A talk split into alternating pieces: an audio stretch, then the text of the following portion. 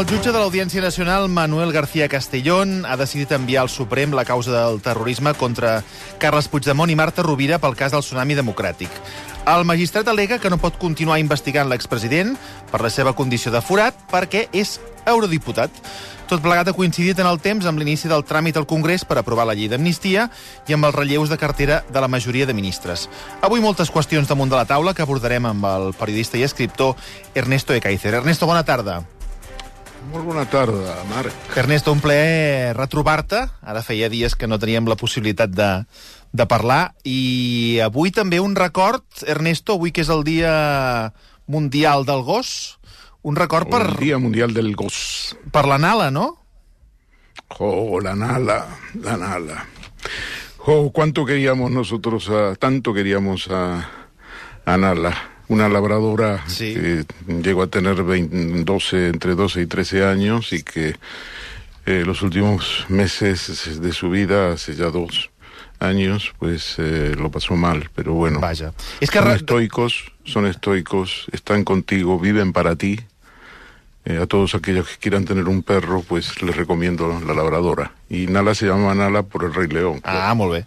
És que recordo que alguna vegada que estàvem fent alguna xerradeta, eh, crec que s'havia colat, ¿no?, a Ernesto a l'escriptori, sí, a, la, sí, a la yo en ¿no? Segovia me la llevaba al hacer de Segovia, donde transmitíamos desde allí, estaban Ah, mis pies y son muy callados, son muy... Bueno, por eso son los perros de los ciegos y, y realmente son unos... Viven, viven para la familia, vamos.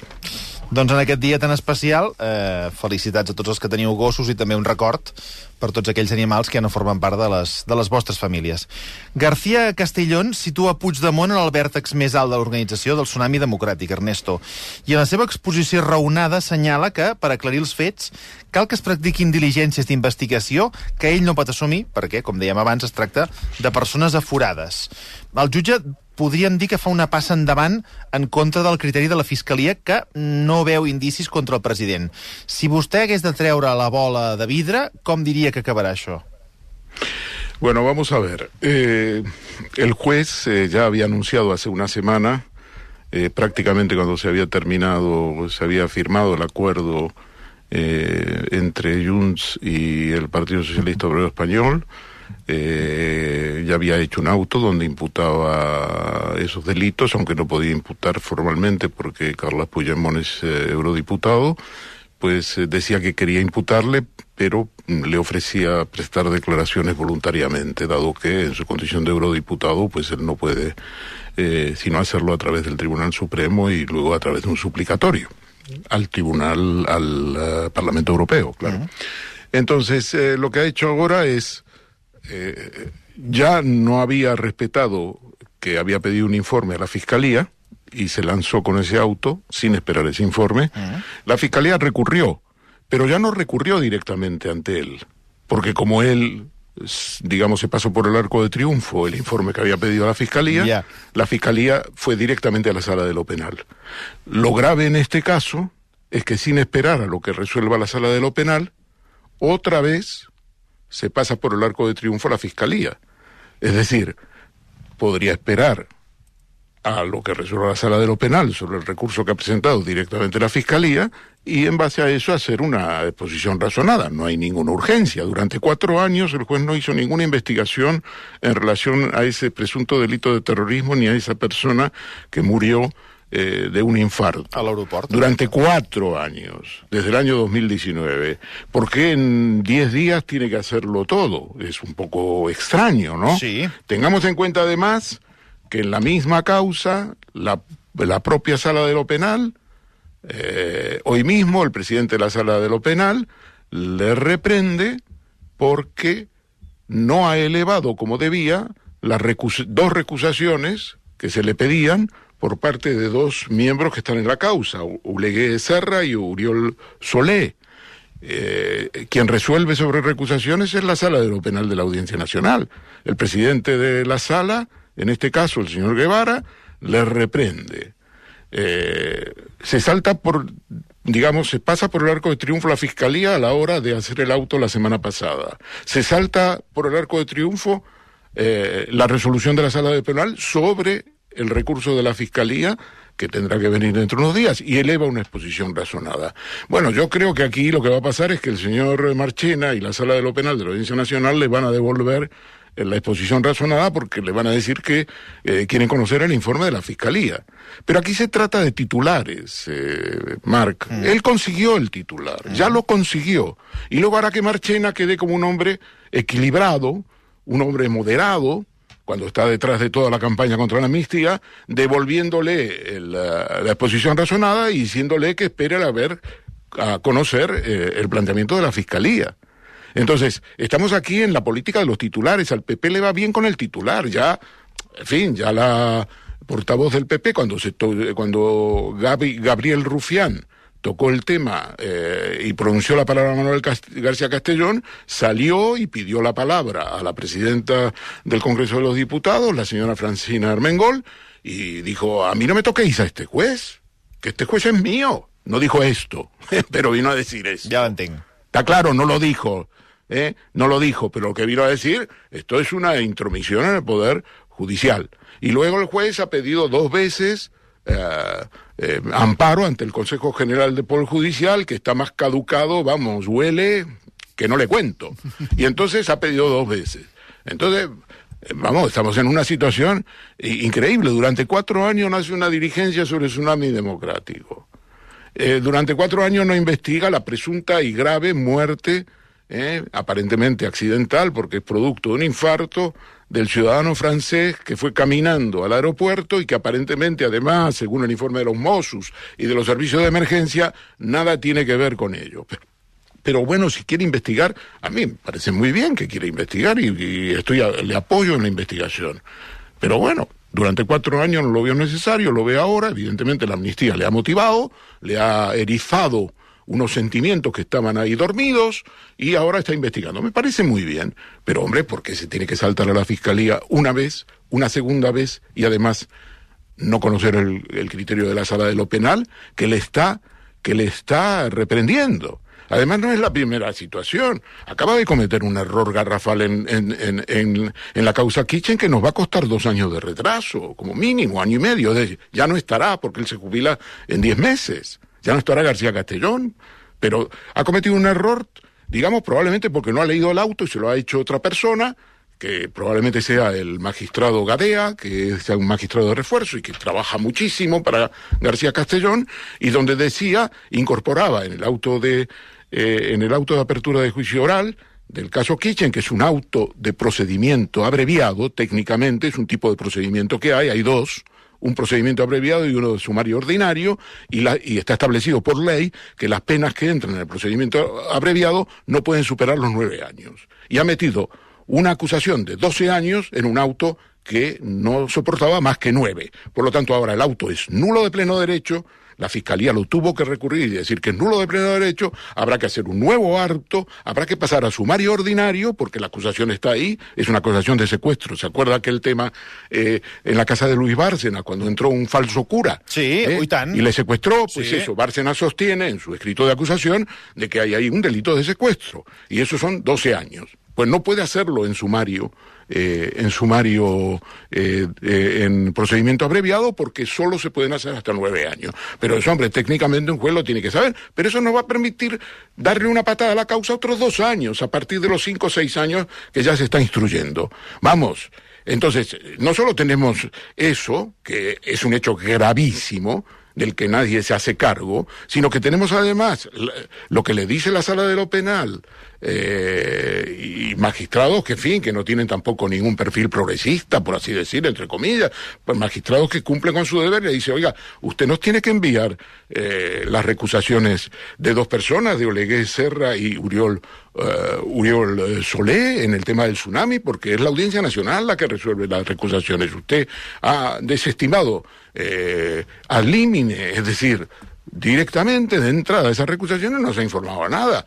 Eh, luego, pues, eh, eh, estamos ahora con, con, el tema de que eh, no espera que la sala de lo penal, esa misma sala de lo penal, diga lo que piensa del recurso de la fiscalía. La fiscalía dice que se ha inventado cosas. La fiscalía dice que ha pasado por encima de cosas y que agranda determinada. Hombre, hay que esperar, no hay ninguna prisa. ¿Qué pasa? ¿Que el juez García Castellón quiere ser el cruzado contra la amnistía? Ara. parecer como el hombre que eh, ha hecho las cruzadas españolas contra la amnistía. Bueno, que anava... Tranquilo, això- tranquilidad y buenos alimentos, decía eh, Esperanza Aguirre. Sí. Eh, juez García Castellón, tranquilidad y buenos alimentos. Pues eso es que le iba a preguntar. Ernesto, es Fíjese, que- fíjese ah, esto de, sí. eh, fíjese esto de Dolores Delgado, debería ser una experiencia. No hay letra que no se venza, ni deuda que no se pague. Eso es un adagio fantástico. Y ahora hoy le ha pasado a Dolores Delgado, luego lo hablamos. No, dic que el que ha generat un munt de pressa és el concepte de l'amnistia, no?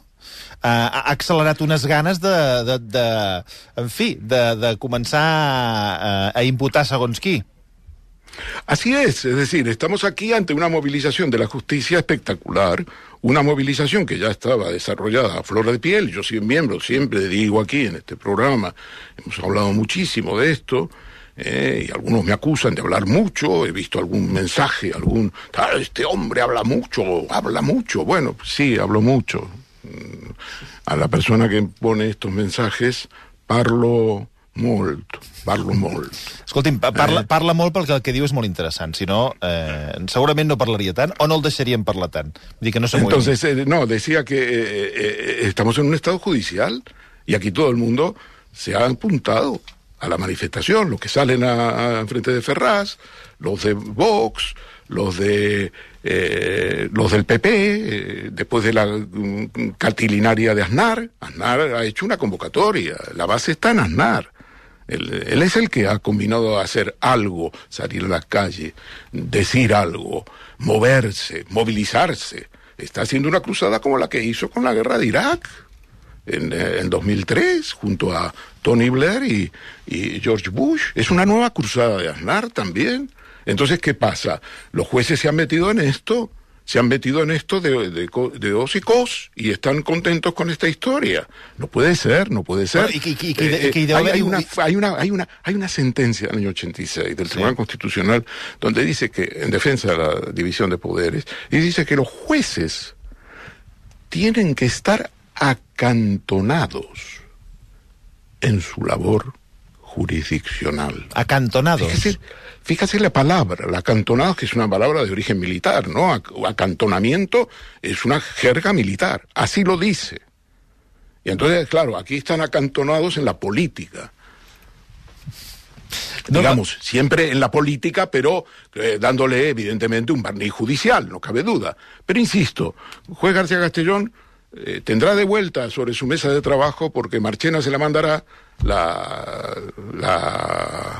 eh, exposición razonada que acaba de mandar hoy, porque bueno, no, no, se puede, no- ¿cuál es la urgencia? Si la sala de lo penal está estudiando un recurso. Él mismo le pidió un recurso, un informe a la fiscalía, en lugar de esperar, salió adelante con el auto la semana pasada. ¿Por qué? Porque era una buena oportunidad, claro.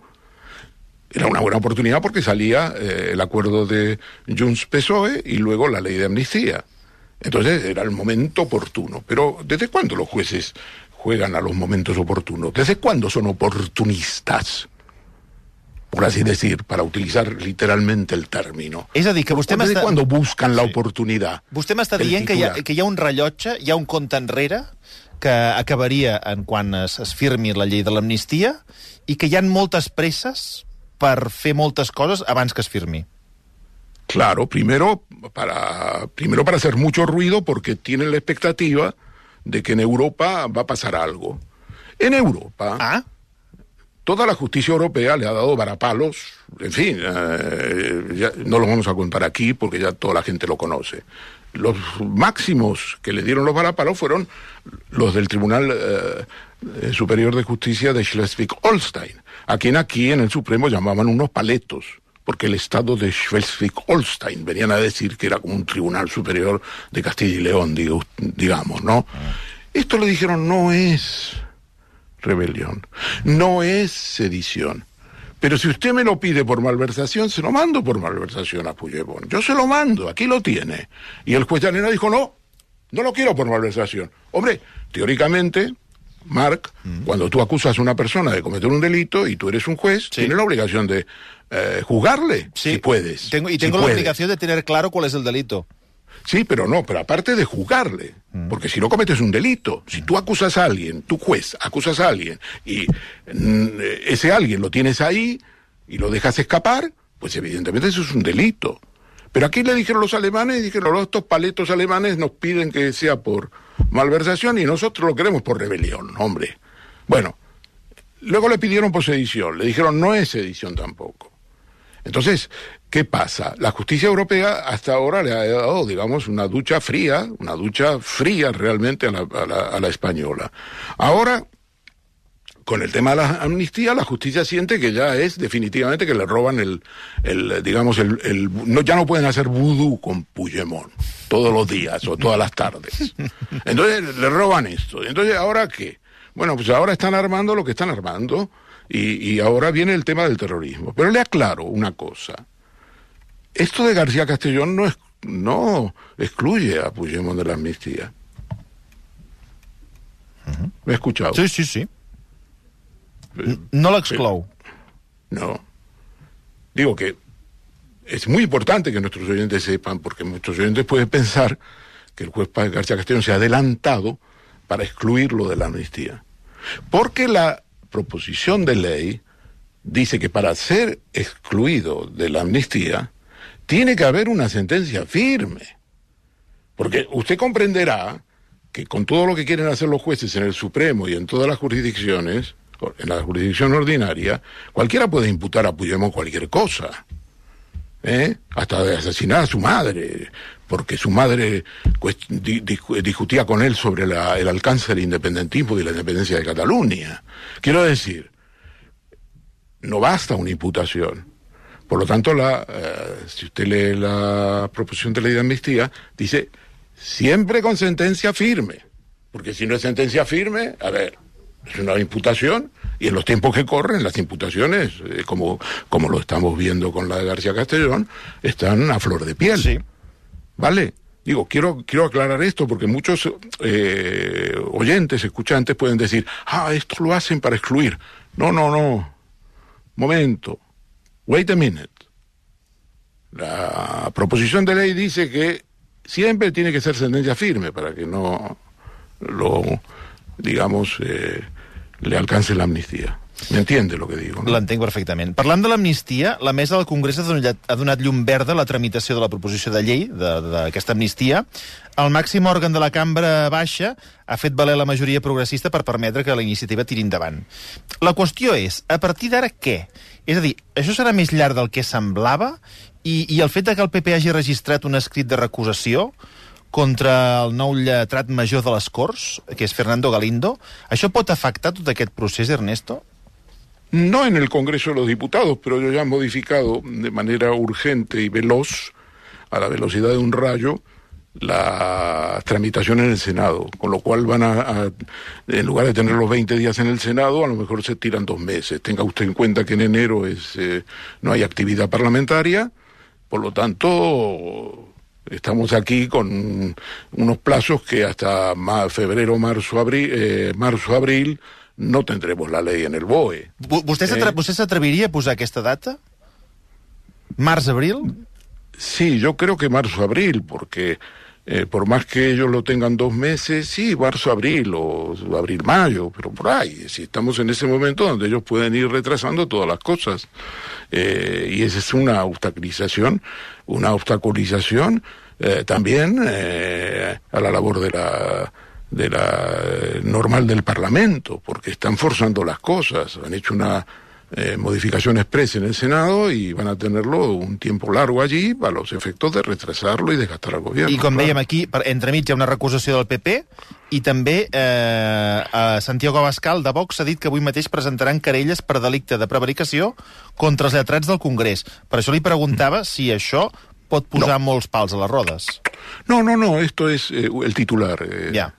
Marc, es el titular. Es lo que estamos hablando. Es para que usted y yo lo hablemos, para que salgan los periódicos. comèdia. M'està dient que és comèdia. No, comedia no, es titular para ir trabajando a la opinión pública. No, no, no, comedia no. Ellos influyen sobre la opinión pública. porque están agravando una situación, una situación normal, donde eso se debería tramitar, pues están agravándola, echando leña al fuego y creando un gran volcán, la erupción de un gran volcán, que es el volcán judicial. Eso es lo que están haciendo. Y eso es una política clara, orientada por el Partido Popular y por Vox a los efectos de desgastar a Pedro Sánchez ya des del minuto uno. Vostè ha dit una cosa abans que que, que crec que estaria bé aclarir-ho, perquè eh, entre de vegades en terminologia legal i, i el munt de coses que estan passant no s'aclareixen algunes coses. Eh, en el que estem parlant de- d'aquesta imputació per terrorisme a Puigdemont, eh, o sigui, tant els Mossos d'Esquadra com els serveis d'emergències, com vostè també deia, van desvincular la mort d'aquest turista francès a l'aeroport del Prat durant les protestes. És a dir, van dir que no estava relacionat amb les protestes.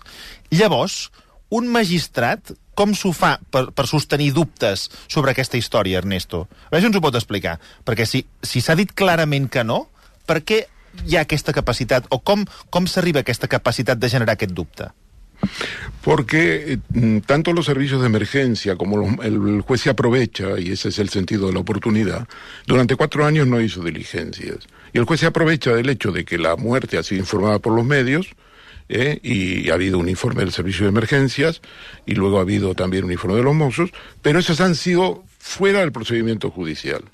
Eso no es dentro del procedimiento judicial porque él no lo ha investigado. Entonces, en esa medida, él quiere empezar de cero, digamos. Como hasta ahora no ha hecho nada, y Puigdemont está eh, em, en situación de... tiene fuero, porque es eurodiputado, él dice yo necesito, eh, en fin, necesito que, el, eh, que esto lo, però, lo però, tramite però la, investigació acaba ràpid, Ernesto. És a dir, si, si les pròpies autoritats han dit que no té res a veure, què s'ha d'investigar? Bueno, lo que quiere hacer es volver a pedir un informe, lo ha dicho en su auto de la semana pasada, un informe sobre las condiciones de la muerte del ciudadano francés y un informe sobre otras materias que tiene que ver con los posibles derivaciones de delitos de, de, de- de terrorismo. Terrorismo. Y esto quiere que lo haga la Guardia Civil, que es quien aquí es la que instruye en realidad. Aquí la que instruye es la Guardia Civil. Eh, Yo ya se lo dije varias veces cuando discutíamos el procés. Aquí es Daniel Baena quien dice, aquí hubo una insurrección. Y todo el mundo dice que hubo una insurrección, pero todo el mundo menos la sentencia del, eh, del, eh, del Tribunal Supremo. El Tribunal Supremo dice que no hubo una insurrección ni un golpe de Estado. Però vostè creu que hi ha marge perquè la Guàrdia Civil digui que això va ser terrorisme? Bueno, la Guardia Civil puede decirlo, puede decirlo. Los informes de la Guardia Civil en los que se basa el juez, más o menos lo vienen, a- no, no lo dicen claramente y el juez utiliza aspectos parciales de lo que dicen y el tema del muer del eh, ciudadano fallecido, pues tampoco es objeto de un análisis por parte de la Guardia Civil. Pero están forzando todo, necesitan los titulares, necesitan movilizar a la gente de la calle. Aquí hay una simbiosis. Y este es el juez, el gran cruzado, es el Baltasar Garzón de otra época. ¿Sabe? De la época en que Baltasar Garzón, pues, eh, investigaba al PSOE, eh, después de dejar de ser secretario de Estado, se guardó eh, en el cajón los temas de, del GAL y mm, cuando salió del gobierno empezó a investigar. Y bueno, pues ahora García Castellón es, es un poco el Garzón de aquella época y es el cruzado número uno. Son sus últimos meses en, hasta que se jubile y, y efectivamente esto es lo que va a, a dar de sí. Pero insisto, esto le da la oportunidad a Manuel Marchena, presidente de la Sala Segunda, a de- decirle, a quedar bien, ¿eh? ya que, digo, Manuel Marchena, lo digo, lo cito, porque él es una persona que ya en, en el caso de los indultos acusó al presidente del gobierno, al señor Sánchez, de autoindultarse. ¿Por qué decía él?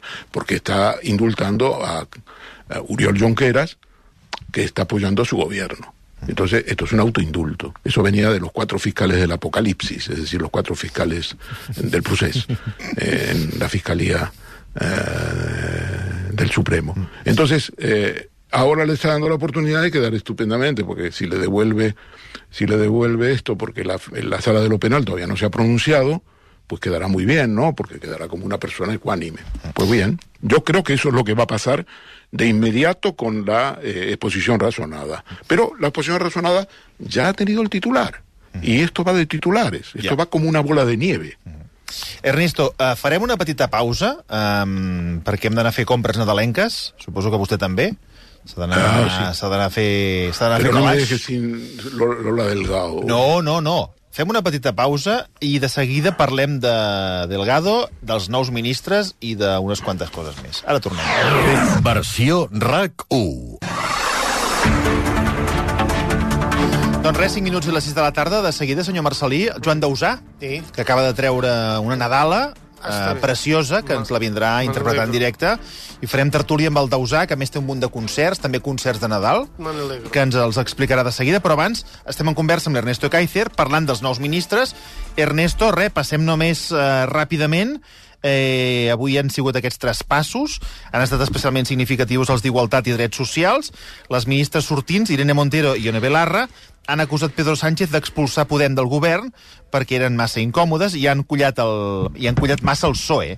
Montero ha estat molt contundent, escoltem.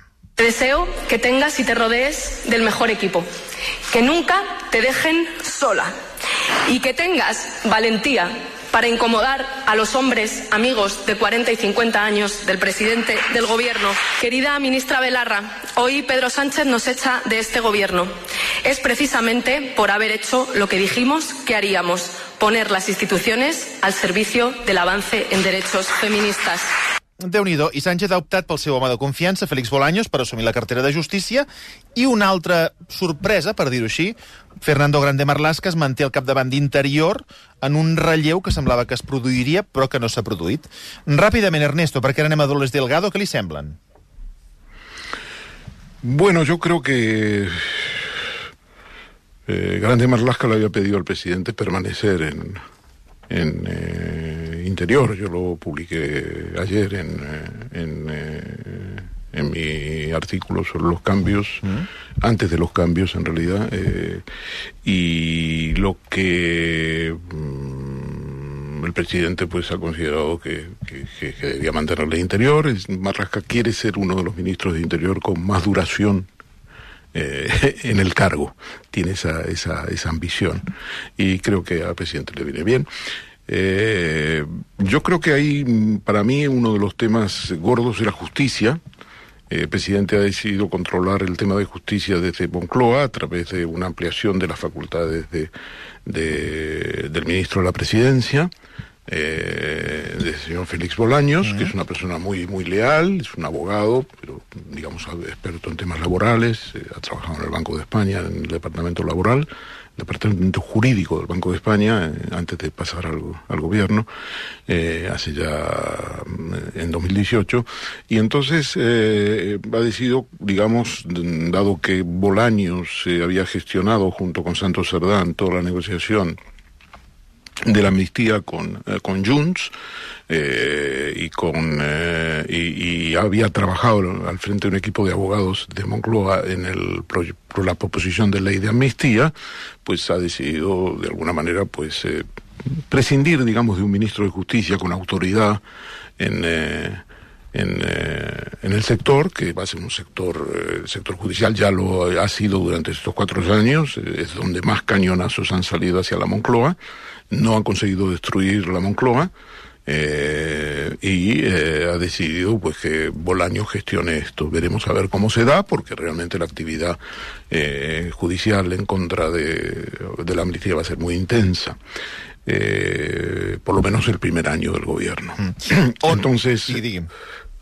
Eh, el otro tema que a mí me parece que queda eh, sin saldar en este eh, gabinete es el, eh, precisamente uno de los más importantes, el de la vicepresidencia primera, que es Nadia Calviño, porque Nadia Calviño está pendiente del nombra- de su nombra- posible nombramiento con otros contendientes, no se sabe todavía cuál va a ser el resultado, como presidenta del Banco Europeo de Inversiones.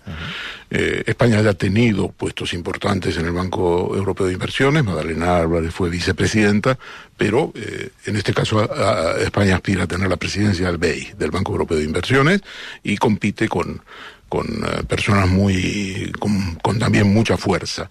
Ahora, lo que decía era que si efectivamente Naya Calviño es eh, nombrada preside- presidenta del BEI, lejos de mí decir que va a ser nombrada, eh, no quiero no quiero equivocarme, eh, pero digo, sí lo es, evidentemente ese lugar tiene que ocuparlo alguien. Y yo no sé si eh, mm, José Luis Escribá, que es un economista profesional, que ha tenido un papel muy relevante en estos años en el tema de la seguridad social, el tema de eh, el tema de pensiones, el, tema del salario mínimo, eh, y todo esto, pues, es el candidato de Pedro Sánchez eh, en la eventualidad de que, en, la eventualidad de que Nadia Calviño sea elegida en el Banco Europeo de Inversiones.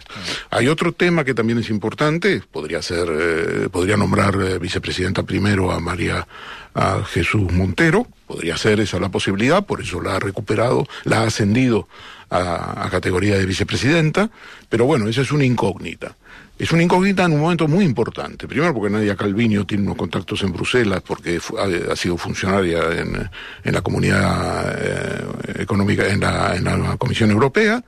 Y segundo, porque eh, viene una etapa dura. La economía se ha desacelerado, la política de subida de tipos de interés del Banco Central Europeo nos está colocando al borde de una recesión. Puede ser una recesión suave, puede ser algunos trimestres de crecimiento negativo, no lo sé. Probablemente sea una recesión suave, pero una desaceleración de la actividad económica siempre genera más eh, eh, incertidumbre, genera más miedo y además en el contexto político de España eh, es el ariete que va a utilizar el PP y Vox contra el gobierno. Hasta ahora no lo han utilizado mucho, porque la situació econòmica pues, ha desmentido sus vaticinios funestos. I, eh, i, i acabarem, Ernesto, perquè se'ns acaba el temps. Re, amb un apunt, vostè volia parlar de Dolores Delgado, perquè el Tribunal Suprem ha anul·lat el, el seu nomenament com a fiscal de la sala militar, però Delgado ja no ocupa aquest lloc, perquè el mes de juny la van nomenar fiscal de la Sala de Drets Humans i Memòria Democràtica. Y no sé si ens pot explicar qué implica la decisión del Suprem. Bueno, esto es un golpe muy fuerte, té. es muy serio, muy serio. No importa que ella no esté ya en la Fiscalía Togada Militar, pero el mecanismo para ascenderla a ella fiscal de sala ha sido nombrarla en la Fiscalía Togada Militar, porque para ser fiscal togado militar, fiscal a cargo de la Fiscalía Togada Militar, hay que ser fiscal de sala, que es la máxima categoría en el Ministerio Fiscal.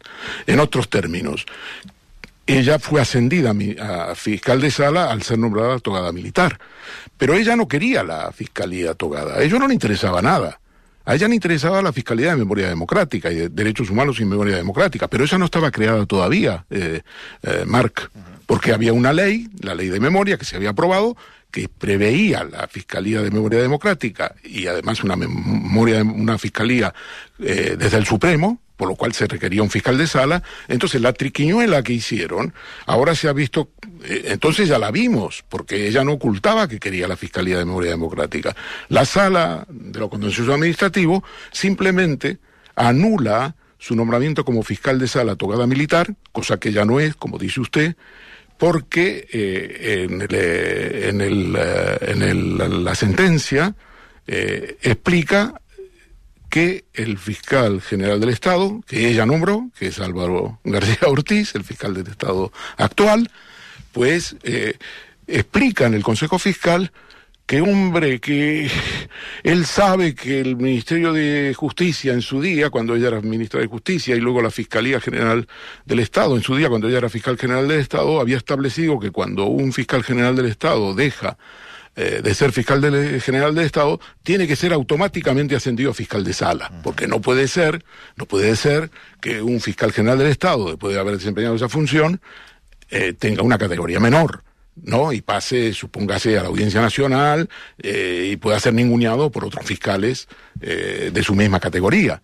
Entonces, eh, eso lo explica en el Consejo Fiscal eh, Álvaro García Ortiz y viene a decir que él eh, asume plenamente lo que hizo porque él cree que si bien la ley, eh, dos leyes, que una ley en el año 2000, creo que 2018, cuando ella era ministra de Justicia, que planteaba este ascenso automático, no se pudo llevar a cabo porque no se aprobó y además una enmienda que colocó el PSOE que luego también fue rechazada por la cual el fiscal general del Estado que deja el puesto pasa a ser fiscal de sala automáticamente, pues eh, él consideraba que eso eh, era una cosa de, de, justicia y que él está convencido que debía hacerlo. Claro, hombre, eh, la sala le dice, hombre, usted no puede ocultar que fue colocado por eh, que era el fiscal jefe de la Secretaría Técnica de Dolores Delgado. Usted no puede ocultar su relación y preferencia por ella. Usted sí. no puede ocultar que luego ella le propuso a usted como fiscal general del ah, Estado. Exacto. En otros términos, usted no puede hacer lo que le salga, ¿no? Sí. porque, porque entonces usted está haciendo una desviación de poder. Exacto. Eso le dice. Pero lo más importante no lo dice porque no lo puede decir, porque no es objeto de este procedimiento. Y es que, eh, digamos, esto lo hace a raíz de que un recurrente, Luis Rueda, un hombre que viene del sector jurídico militar, ha presentado un recurso, porque se presentaron 30. La sala tocada militar es muy ambicionada porque no se hace mucho en la sala, no se trabaja mucho, es muy Vaya, cómoda, vaya. ¿saben? Es muy Vaya. cómoda, en un régimen democrático pues es muy cómoda, entonces se presentaron 30. Entonces, Luis Rueda, que era de la carrera jurídico-militar, que es el que presenta el recurso.